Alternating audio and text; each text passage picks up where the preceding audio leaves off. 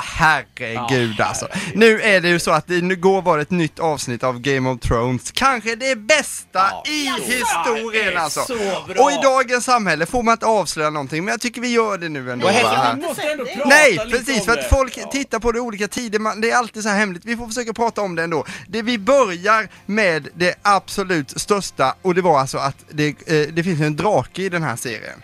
Tre egentligen. Ja. men Ja. Var på eh, prinsessan säger då Fredrik. Flyg. Ja, till draken, inte på Men svenska kan utan det? fly sa hon. Mm, Nej, och hon sa inte ens fly utan hon sa velaro eller något sånt på det där precis. andra sättet som inte jag tyckte.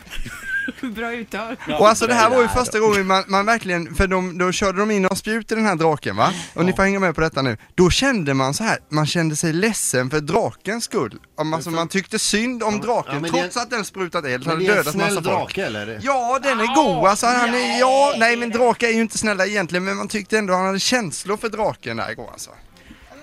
Ja, Var nej, det som var- voodoo-feeling? Ja, Nej men alltså om man tänker sig, de framställer ju inte draken som ond eller god Men vad i det här pratar ni fallet. om nu? Ska du komma fram till någonting eller vill du bara säga Nej, det? vi- nej, det var det vi ville sagt detta. Jag vill också säga för dig som lyssnar att eh, jo, de som pratar i radion just nu, 40 och 50 plus, pratar om en snäll drake.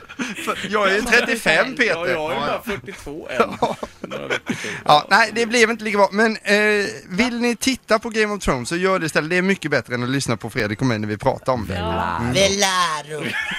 Ja, nu blir man sugen. Ett poddtips från Podplay. I fallen jag aldrig glömmer djupdyker Hasse Aro i arbetet bakom några av Sveriges mest uppseendeväckande brottsutredningar. Går vi in med hemlig telefonavlyssning och, och då upplever vi att vi får en total förändring av hans beteende. Vad är det som händer nu? Vem är det som läcker? Och så säger han att jag är kriminell, jag har varit kriminell i hela mitt liv men att mörda ett barn, där går min gräns. Nya säsongen av Fallen jag aldrig glömmer på Podplay.